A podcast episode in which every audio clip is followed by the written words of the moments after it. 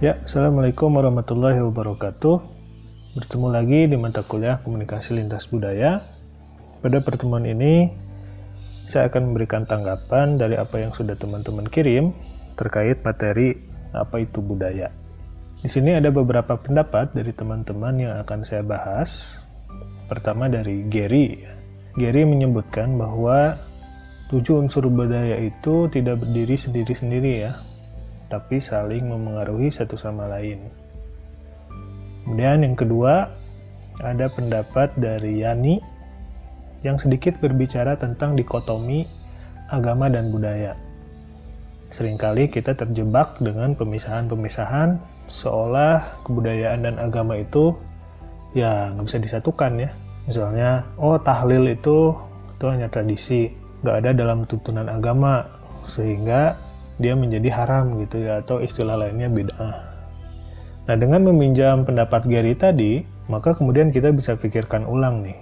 Apakah kebudayaan itu mempengaruhi agama atau sebaliknya agama yang mempengaruhi budaya atau sebetulnya keduanya saling mempengaruhi.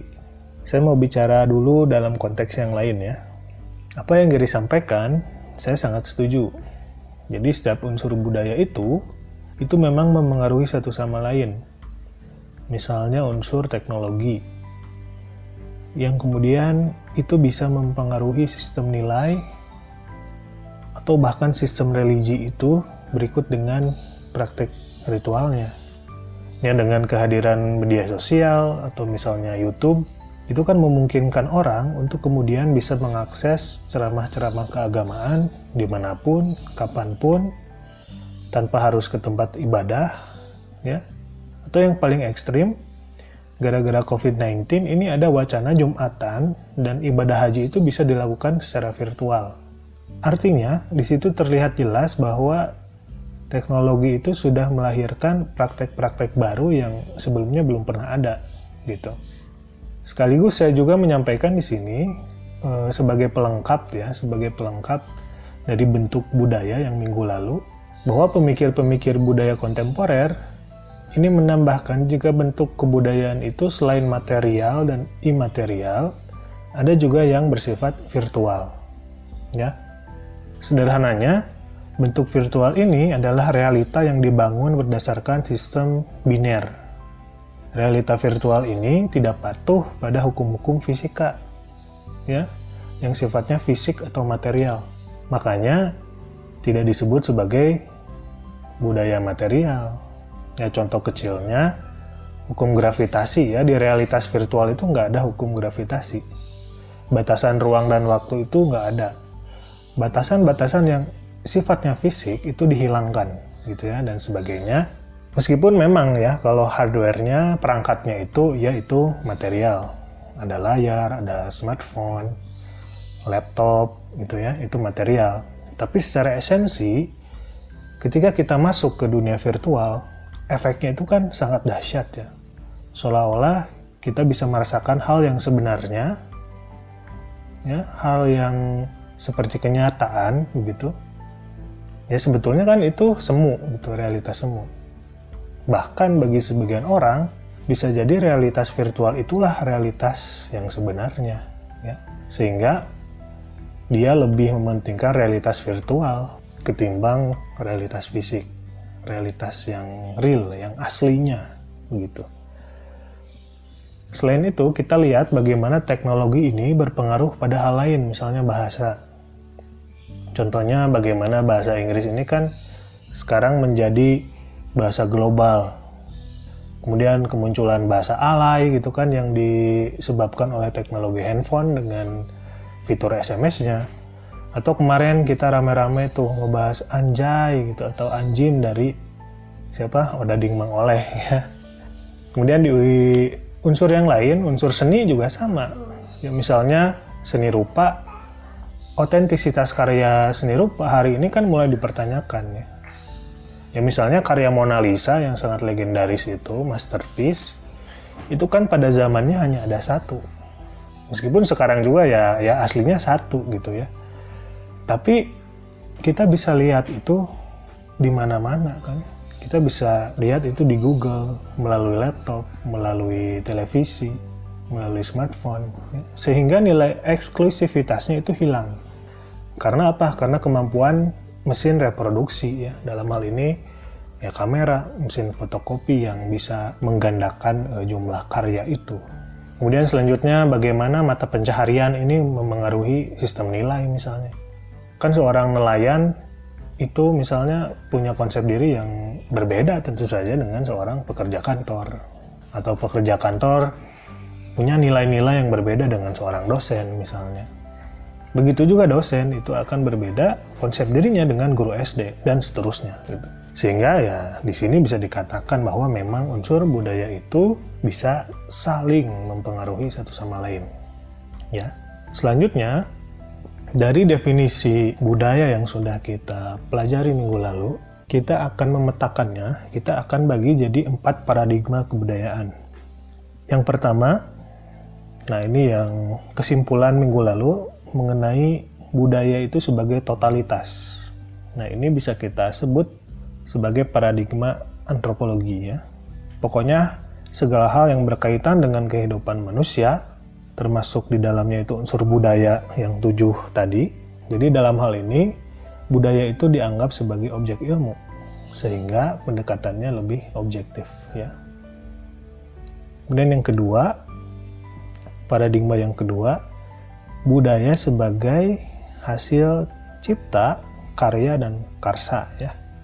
Nah, dalam pengertian ini budaya itu dianggap sebagai sesuatu yang adiluhung ya budaya yang luhur, penuh dengan nilai-nilai moral ya. Dalam pengertian ini ya kurang lebih budaya itu dianggap sebagai hal-hal yang baik ya. Jadi budaya tinggi begitu. Bukan totalitas budaya yang tadi disebut melingkupi semua aspek, tapi di sini sebagian aja. Hal-hal yang dianggap baik, hal-hal yang dianggap adiluhung begitu.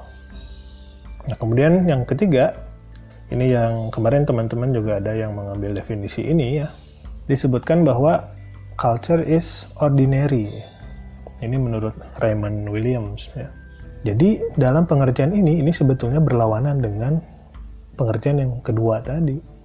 Budaya sebagai sesuatu yang luhur, yang adiluhung.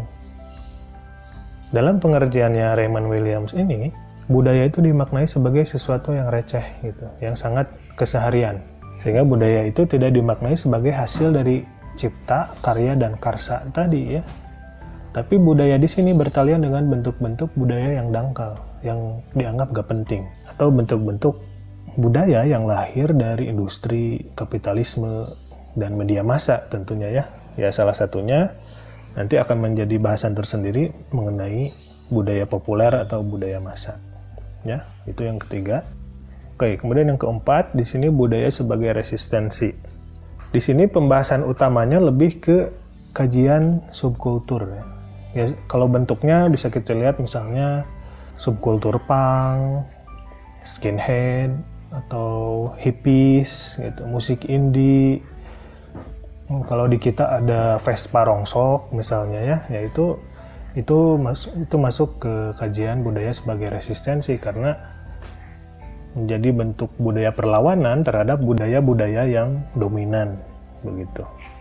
Nah, dari paradigma ini kemudian muncul sebuah konsep levels of culture di mana kebudayaan itu diukur secara dikotomis, baik buruk, indah tak indah, hitam putih, tinggi rendah, begitu ya, dan sebagainya.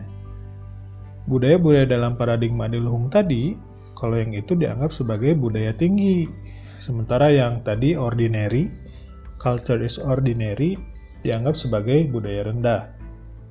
Contohnya apa? Contohnya ya teater, drama itu masuk pada budaya tinggi, sedangkan film, sinetron itu budaya rendah.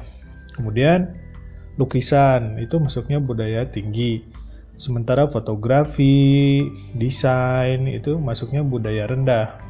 Kemudian ada musik orkestra, opera, begitu ya itu masuk ke budaya tinggi, sedangkan e, misalnya musik pop, dangdut itu masuk ke budaya rendah. Kalau di Indonesia ada batik ya yang pakai teknik canting tulis itu e, itu masuk pada budaya tinggi, sedangkan batik yang pakai teknik cap itu budaya rendah. Kemudian dalam hal literasi, literasi visual eh, dianggap sebagai budaya rendah, tapi literasi teks, literasi tulisan itu dianggap sebagai budaya tinggi, ya. Dengan kata lain, budaya tinggi itu sifatnya elitis, eksklusif, eh, otentik, begitu ya. Hasil dari suatu pemikiran yang reflektif, menjunjung tinggi moralitas, eh, kemudian kreativitas, ya, penuh dengan kedalaman dan abstrak. Ya. Tapi kalau budaya rendah itu sifatnya ya kebalikannya ya, sifatnya itu pasaran gitu ya, massal, homogen, vulgar, kemudian provokatif, yang penting laku ya, jadi uang, gak mentingin moralitasnya seperti apa, kemudian sifatnya imitatif ya, bukan kreatif, kemudian instan begitu, dan dangkal dan juga konkret. Makanya tadi kalau literasi visual itu masuk ke budaya rendah karena sifatnya konkret, tapi literasi baca tulis itu masuk ke e, budaya tinggi ya karena abstrak.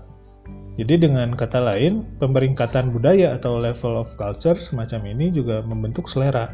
Gitu pada akhirnya ada selera tinggi, ada selera rendah. Nah, sekarang pertanyaannya, apakah kebudayaan itu harus diukur secara dikotomi seperti ini? Baik buruk, hitam putih, salah benar, dan lain sebagainya ada nggak sih sebetulnya ruang negosiasi lain gitu yang memungkinkan terjadinya sintesis gitu antara budaya tinggi dan budaya rendah? Nah, untuk menjawab pertanyaan ini silahkan simpan dulu aja, renungkan, eh, kita ketemu lagi minggu depan untuk mendiskusikannya. Kemudian terkait dengan budaya tinggi dan budaya rendah, ada konsep lain yang dikemukakan oleh Edward T. Hall yang berbicara lebih spesifik dalam konteks komunikasi. Ya, tapi ini nggak akan saya jelaskan. Ini menjadi tugas teman-teman untuk mencari konsep budaya konteks tinggi dan budaya konteks rendah yang dikemukakan oleh Edward T. Hall. Kemudian seperti biasa, dibaca, dipelajari, dijelaskan maksudnya apa, beri contoh-contoh konkretnya, dan identifikasi perbedaannya dengan konsep budaya tinggi dan rendah yang sudah saya jelaskan di sini. Oke, saya kira cukup sekian materi hari ini. Semoga sehat semuanya. Wassalamualaikum warahmatullahi wabarakatuh.